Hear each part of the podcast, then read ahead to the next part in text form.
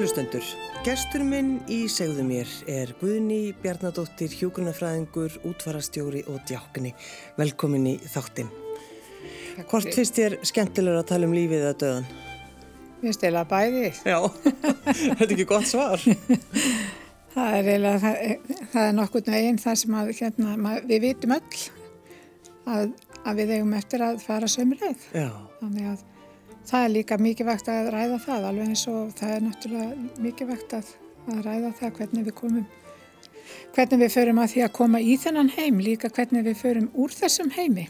Þannig að ég finnst það að vera mjög áhugavert hvort vekja það er sumir eiga erfitt með þetta að tala um döðan Já, ég held að sé samt svolítið að breytast vegna þess að, að hérna Fólk er að átta sig á því að þessi, þetta er ó, óhjákvæmilegt að allir kynast þessum hérna, hluta lífsins það, en það er líka bara mjög mikilvægt svona að, að hérna, þeir sem að þjóna fólki í þessum aðstæðum ræði vel við aðstandandur um það hvernig það er að fylgja sínum þessa síðustu leið. Mm. Að hérna, fara svolítið yfir það hvað er það sem gerist og hvernig er hægt að gera þessa kveðjustund svona fallega í minningunni. Þó að hérna, aðstæðarna séu erfiðar og, og hérna, auðvitað misjans hvernig þetta ber að, hvað, á hvaða aldri fólk er eða, og, og annars líkt en þá er yfirleitt það sem við reynum að gera það er að, að, að gera stundina fallega. Og það líka hérna, myndi ég segja mikið vakt að að ræða við fullari fólk sem á úlinga og jafnir börn.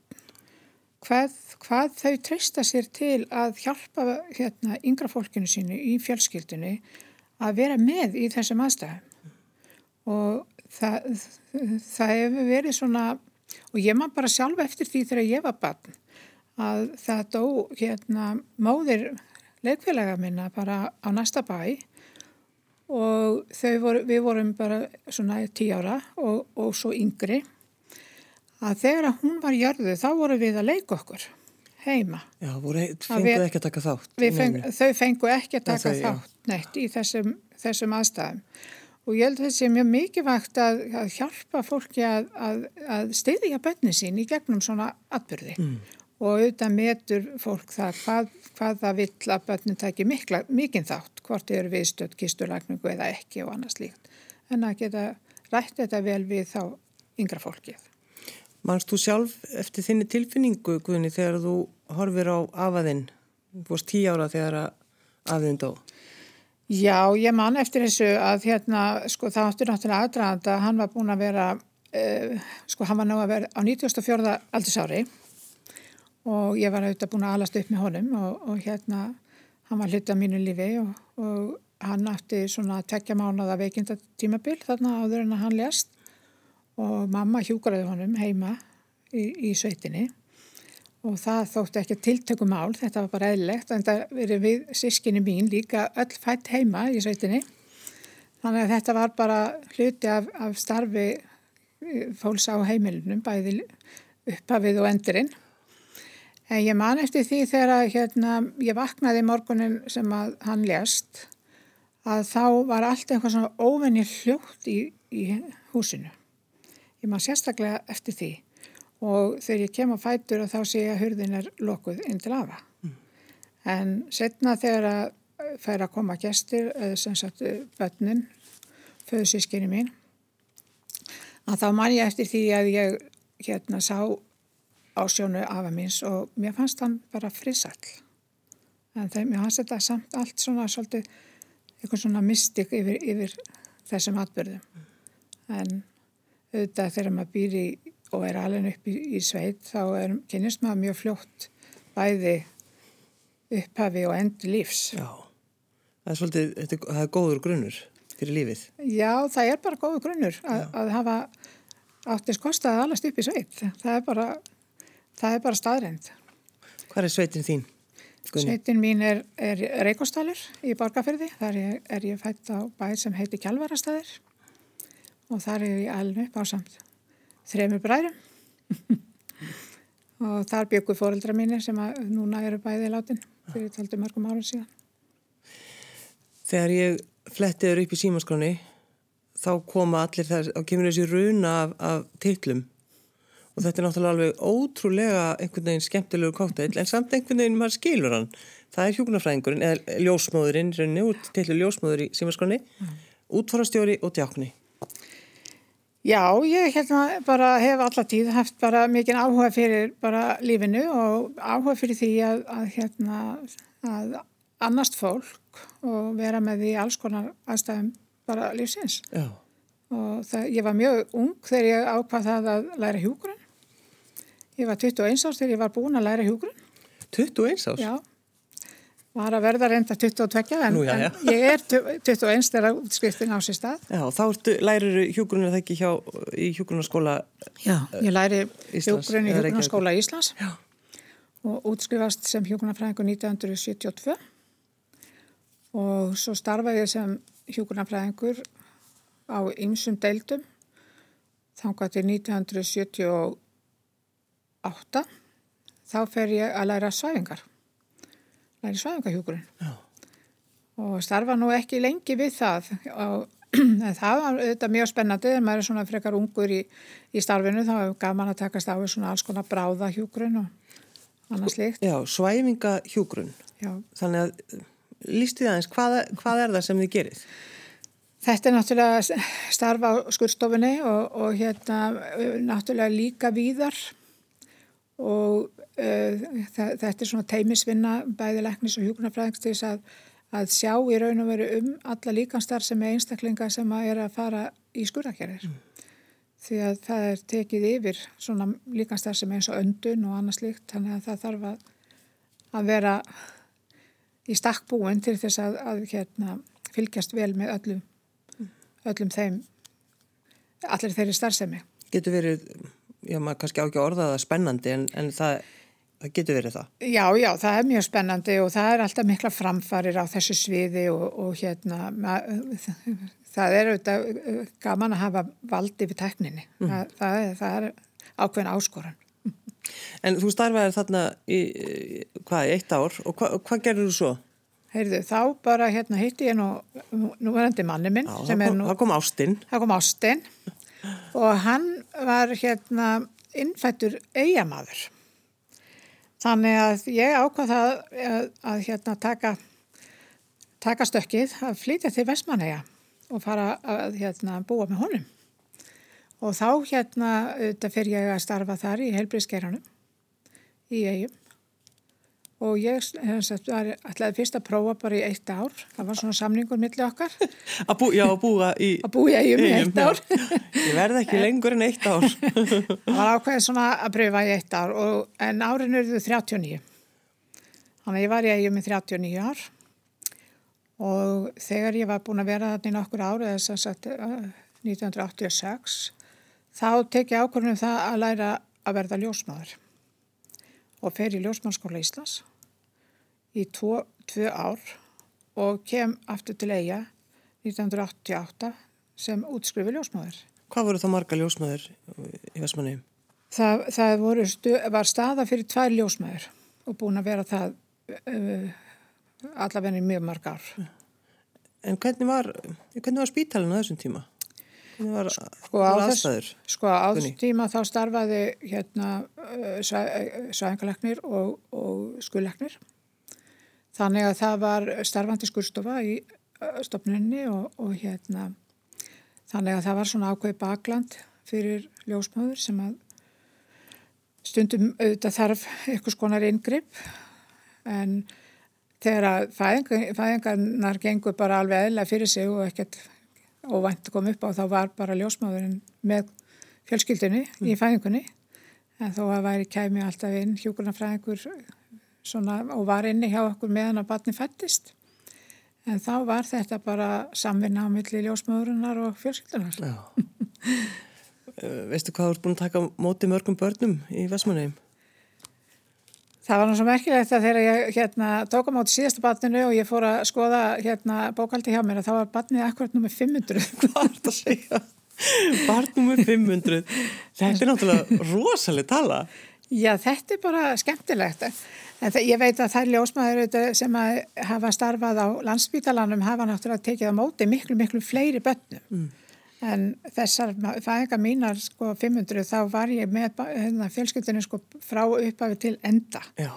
Sem er náttúrulega svolítið sérsta þegar maður starfar svona úti á landi að það er ekkert svona vaktaskipti á 8 tíma fresti. Nei, nei, nei, nei ekkert slíkt. Nei, þá verður maður bara að vera þá til að batnið fætt hversu lengi svo sem yfirsetan er. En hvernig, hvernig var lífið út í eigu á þessum tíma, Guðni? Hvernig, hvernig leið þér í Vestmannaugin?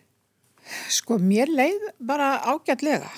Það er óneittilega náttúrulega í, í starfinu að þá hérna, þá svona fyldist ég alltaf, að, að það var alltaf fyrsta svona hugsun þegar ég fór í útkall, það var hvernig er ég veðrið.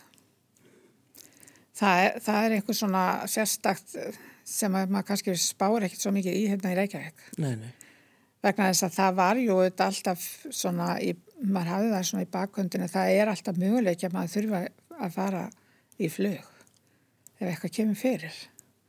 Þannig að það var svona svolítið sérstakt sem maður kannski, ég mann sérstaklega eftir en, en þetta var bara mjög skemmtilegt, maður bara hérna kynntist uh, fjölskyldunum rosalega vel og, og hérna og það er bara svo gaman að fylgjast með hérna svona vaksandi fjölskyldu og fyrsta barninu og fyrsta barnabanninu og maður þekkir alla fjölskylduna orðið þegar svona ferliður allt liðið.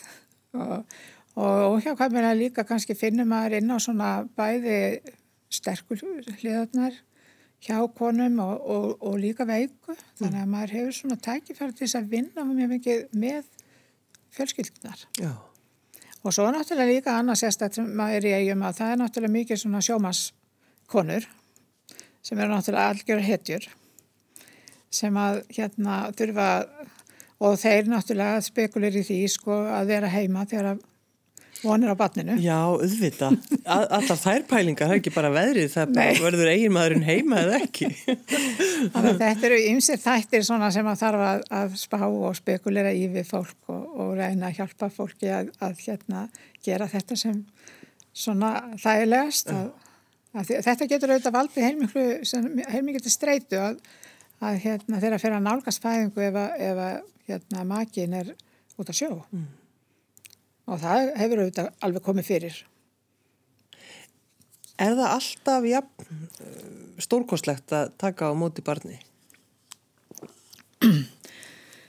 Já, veistu það, það er ótrúlega magnað að taka á móti barni og það er svo merkilegt að hérna, auðvitað er talað um það að konur verða fyrir náttúrulega miklum hormona hérna söflum og mikið sem að auðvitað gerist innan líkama konunar og, og auðvitað fjölskyldunar.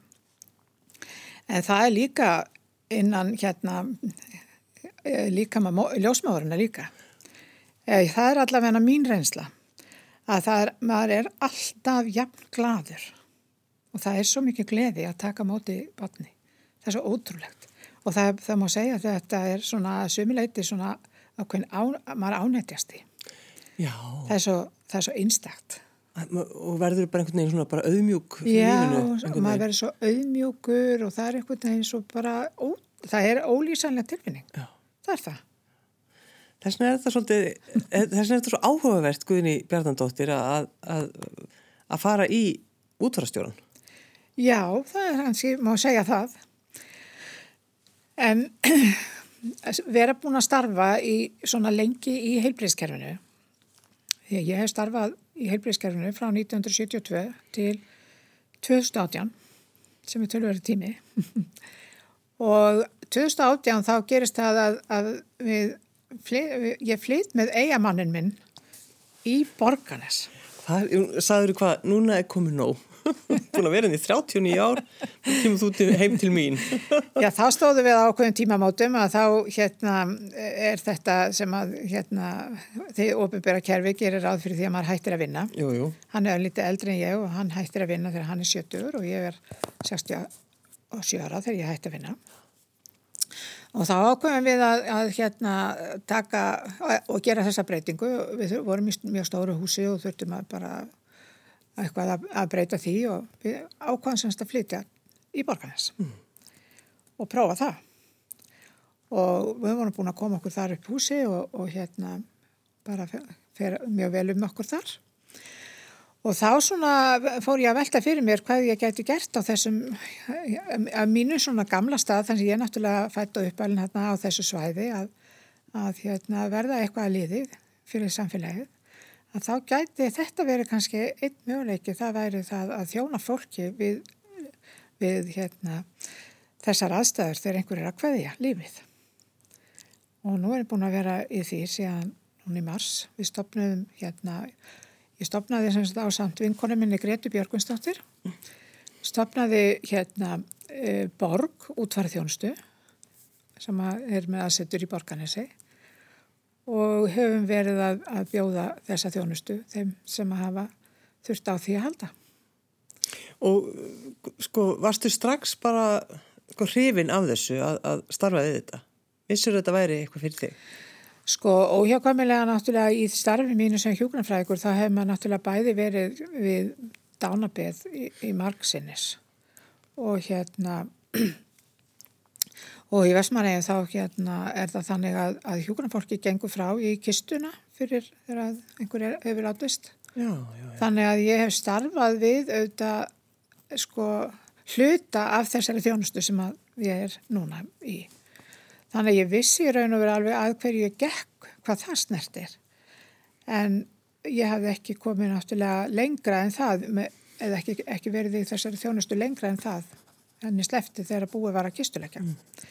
En þar sem ég hef líka svona svolítinn kirkjulegan bakgrunn, að þá fannst mér ég hafa svona eitthvað kannski að bjóða til viðbótar og, og hérna bara mér hefur hef bara þótt gaman að, að hérna fást við alls konar ólík verkefni og mér fannst þetta ákveði verkefni sem mér fannst bara svona áskorun. Já.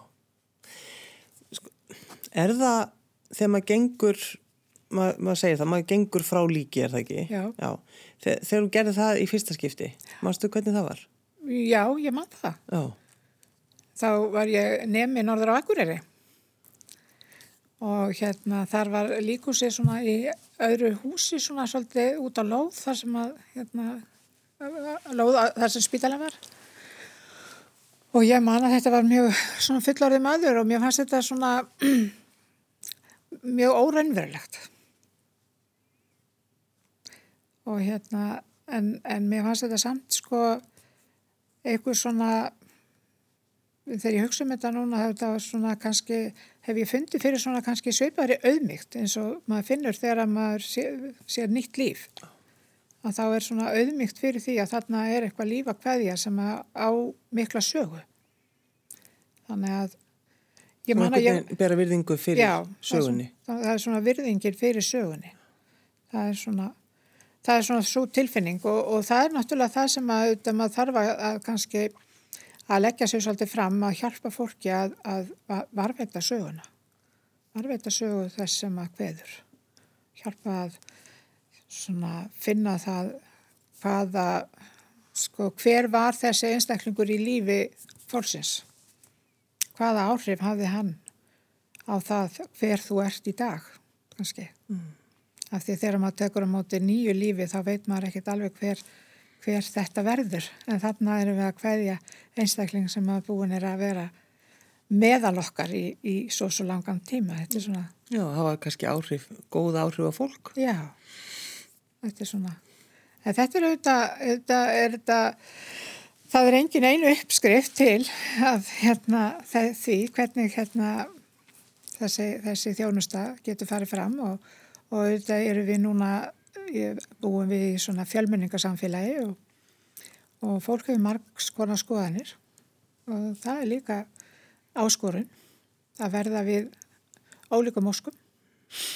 Þannig að þetta er svona Það er margir kannski guðnið mitt sem að eru þegar þeir upplifa það, þú veist, þeir að missa einhvern nákominn að þú er ekki að sko segja, þú veist, mér langar að þetta sé svona Já, það, sko, það er náttúrulega mjög algjönd, eh, sko, við erum náttúrulega ekki búin að starfa neitt voðalega lengi nei, nei. Í, í þessari þjónustu.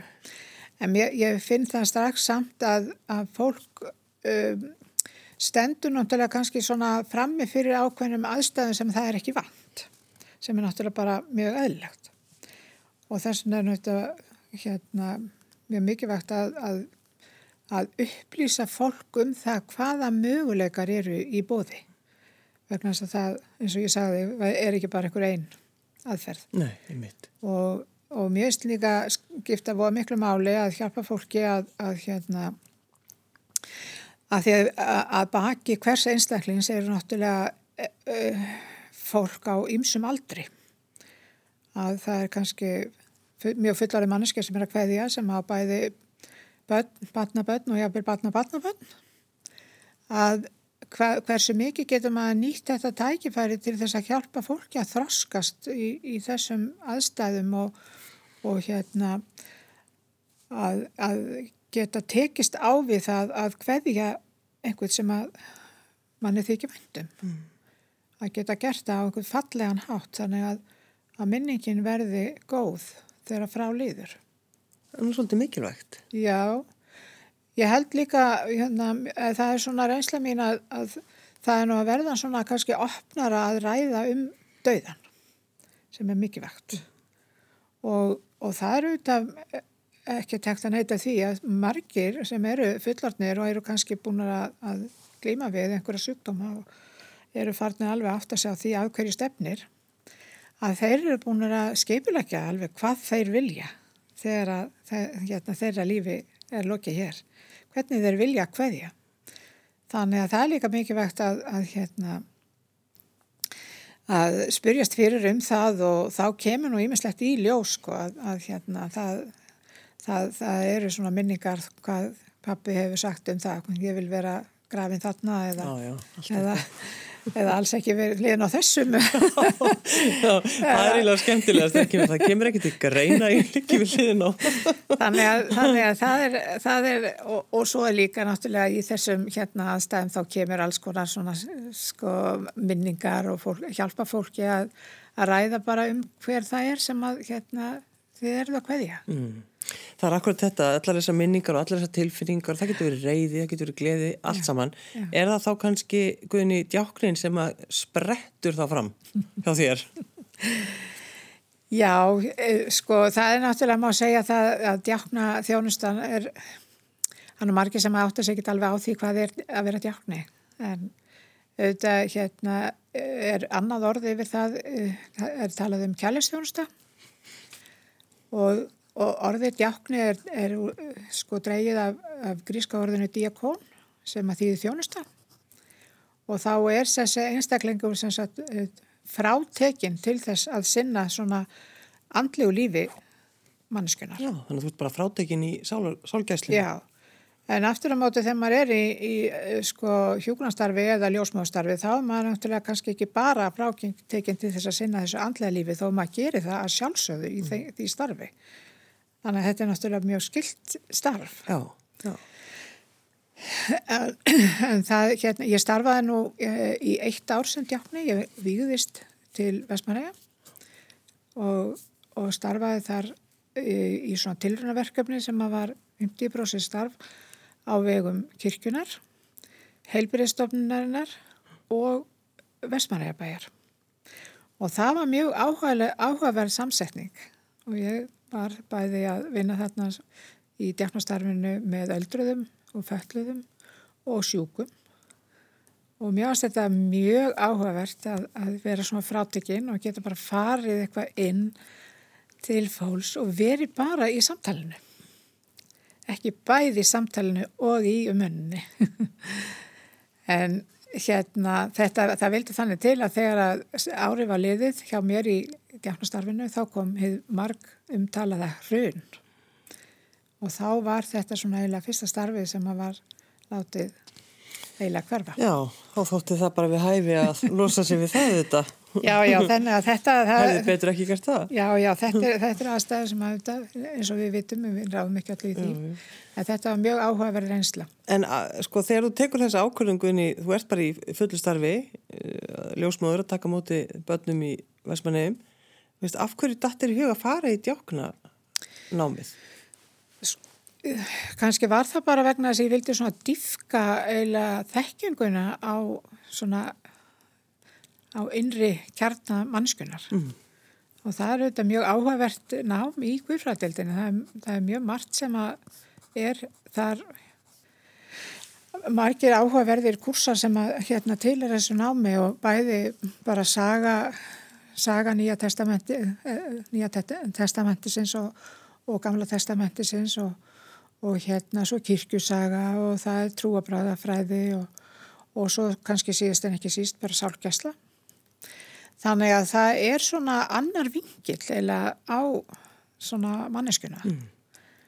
og mér finnst þetta bara mjög áhugavert að, að svona leggja kannski meiri eða fá svona meiri þekkingu frá öðrum sjónarhóttni Ég hef náttúrulega alltaf verið svona frekar hérna e, trúð kona og alveg upp að við fóreldra mínir voru bæði í kirkjögur. Já, já, þannig að það var alltaf, ég, alltaf í messu þá. Já, já, ég var mjög mikið í messu þegar ég var lítil stelpa og var að alast upp. Ég var mjög vel eftir mér á kirkjubeknum í, upp á lofti í, í Reykjólskirkju. Já. þegar þau voru að syngja hérna við messur og, og svo man ég náttúrulega mjög vel eftir kirkjukaffinu hjá pressjónunum eftir. Já, kannski aðeins það. En, en ég svona álst upp við það að, að hérna, þessa auðmygt skakvart lífinu og, og hérna, við ráðum ekki öllu og við verum að treysta og trúa. Þannig að, að mér fannst þetta bara mjög áhugavert að, að fara í Guðfræna. Já. Og mér finnst líka bara mjög áhugavert almennt að læra eitthvað nýtt. Já, ég ætlaði myndi að spyrja því, Guðni, ertu, sko, ertu bara verður eitthvað órólega ef þú ert ekki búin að fara að setjast á skólabæk lengi? Já, ég, eh, það ekki, ég held að bara manneskjan bara hafi gott af því alla tíð að, að, að tilenga sér nýja hluti. Ég held að það sé bara það sem að heldur manni svona bara virkum. Og, og hérna Já, þú má segja það að þegar ég er búin að vera svona einhvern ákveðin tíma í einhverju fæi á þessari hérna, starfsæfi minni þá hefur mér langað til að læra eitthvað meira. Það er bara þannig. Er stórun eitthvað óróleg núna? Já, það nei, nei, nei, alveg róleg sko. En ég fór nú samt í eitt kursi í, í, hérna endumendunni á síðast ári. Nú, já, já. Í, í hvað fórstu það? Það var í skaldli skrif.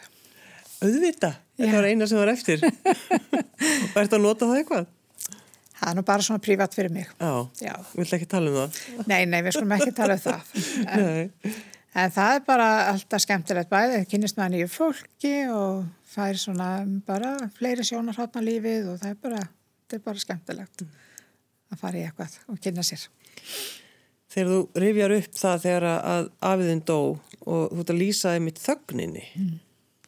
Er, með, er þögn í kringum þig þegar þú ert að, að ganga frá kistunni, ganga frá líki? Já, við, við leggjum mikið upp úr því að, að gera það vel. Og hérna og það er, það er ákveðin virðing sem að tilheri því. Og það, það er okkur mjög mikilvægt. Auðvitað eru þessar aðstæður náttúrulega alltaf mjög misjafnar. En það er, það er ákveðin hérna, það er kannski meira maður að segja sko þegar við erum komin í aðtöfnina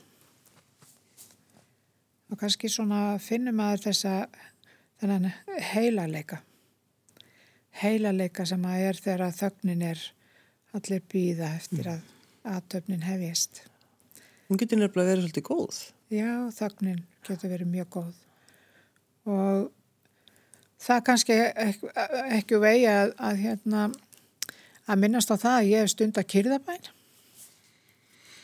og það er einmitt svona ein aðferð svona til að nálgast maður að sinn innri kjarna. Lýstu því aðeins, hvað hva, hvernig, hvað hva gerur þú? Ég bara er í algjör í kyrð, lokaði honum og næ því að, að ráa hugan algjörlega þannig að að losa sig í raun og veri við allar hugsanir. Því heilin í manni hann náttúrulega svo ótrúlegur. Já, þú ert líka alltaf að reyna að fá nýjar hugmyndir. Já. Þannig að þetta er kannski eitt af því. Þú ert að róa hugan Þetta, þetta ráar hugan og maður kemst í raun og veru svona nær sínum guði sem maður, maður, maður allavega í mínum huga svona innra með manni. Að það er að, að útiloka allar hugsanir og getur verið einn algjörlega með sjálfun sér og sínum innra, innri kjarnar. Og það er stundu sem að maður finnur þetta bara reynlega í þögninni, í aðtöfn þegar hérna allt er tilbúið það er búið að setja blóm gera allt fallegt friðsælt og, og það aðtöfnir er ekki byrjuð allir eru hljóðir og þá kemur þessi heila leiki sem er svo ótrúlega einhver svona já, svona sérstakur hefur það tekið í langan tíma að einmitt að ná þessari sko að tæma hugan? Já, veistu það, þetta er bara hérna, tölverst mikil þjálfun Já. og það er bara mikil þjálfun og sérstaklega það, það, það er auðvöldar hjá mér eftir að ég hætti að vinna sem, sem hérna í hjókunarstarfinu, ég var náttúrulega í 100% starfi en Eh, sko ég held að sé mjög mikilvægt fyrir alla sem eru mikið í svona ís og þís og miklu áreiti að eiga þessa þennan möguleika að geta algjörlega tæmt hugan mm. og algjörlega bara verið einn með þögninni og engar hugsanir. En eins og segir Guðni, það tekur svolítið tíma mitt að þjálfa það? Já, það tekur tíma.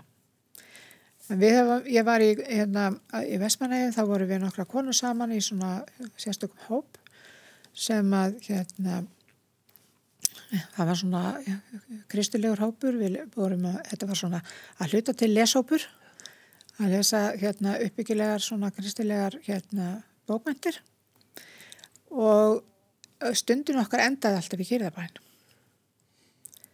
og þá lásum við eitthvað úr rytningunni, eitthvað úr orðinu. Og stunduðu svo kyrðabæn í 20 mínútur. Og síðan hérna að því loknu þá saminustu við í sameigilegri bæn. Og þetta var ótrúlega nærandi og gott. Mm. og hérna fylgdi manni bara í nokkru dag og eftir Gerur þetta á hverju minnstu degi? Ég stund að kyrðabæn á hverjum degi það er bara inn í Já. þetta er bara eitthvað sem þú tekur ákvörunum Já. bara ákvörunum einsta degi alltaf ég að setjast niður Já. og er þetta alveg saman hvað þú ert? Já maður getur stund að kyrðabæn í raun og veru hvar sem er það er ekkit og það, það, eru, það eru margar kirkjur sem að bjóða upp að kyrðabæn þannig að ég bara hvet fólk til þess að kynna sér uh, kyrðabæn og það er hérna Kristin Íhugun það er hérna er, uh, heimasíða sem heitir það. Þannig kannski ágætt svolítið núna, þurfum við ekki svolítið að, að reyna að tæma hugan á þessum tíma, Gunni? Jú, ég held það, ég held það sé bara mjög gott. Og auðvitað, auðvitað veit ég það að, að fólk getur kannski notað eða stundað svona hérna andlega hérna hugleislu eða einhvers konar kyrð á, á marga vegu og, og ef það er ekki, ef það hendur ekki þessi kristna í huguna þá getur við farið í jóka eða eða einhvers konar hérna, núvitundar. Hérna, það er alveg sama hvað það heitir en að eiga þessa kýrð það er mikið vekt Guðni Bjarnadóttir hjókunarfræðingur, útfarastjóri og djákni. Takk fyrir að koma. Takk fyrir mig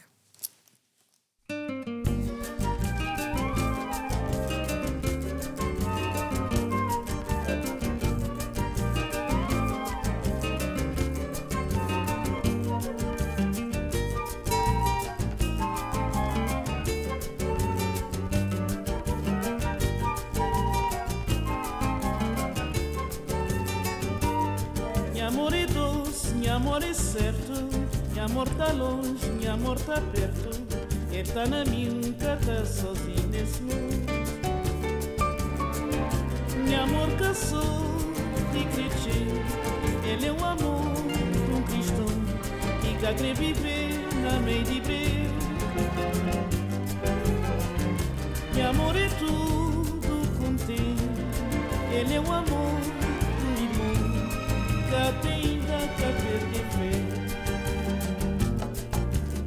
chamkanta bunyamu o mungu. Chamkanta bunyamu panoana chamkanta bunyamu o mungu. Chamkanta bunyamu tus, nyamoritus nyamoriset amor tá longe, minha amor tá perto. É e tá na minha, um tá sozinho nesse mundo. Minha amor tá caçou e cresceu. Ele é um amor conquistou. Que cá crê viver na meia de ver. Minha amor é tudo com Ele é um amor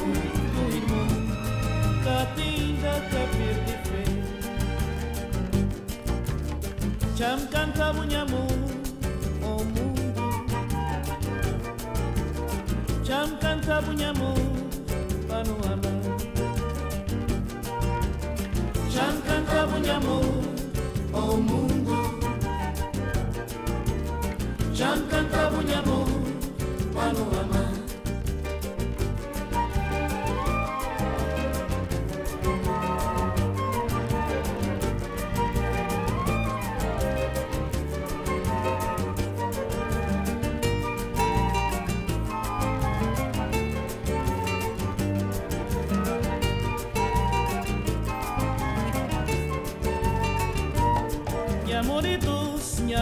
certo.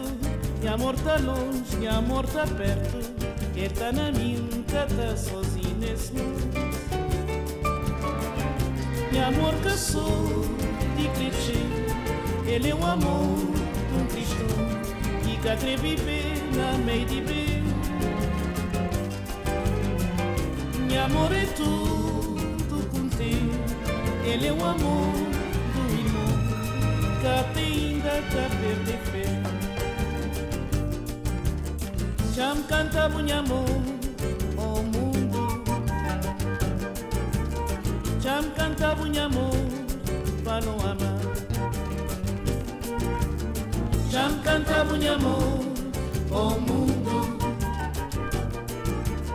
Já me canta Munhamu, falam amar Panorama, panorama, panorama, panorama, panorama, panorama.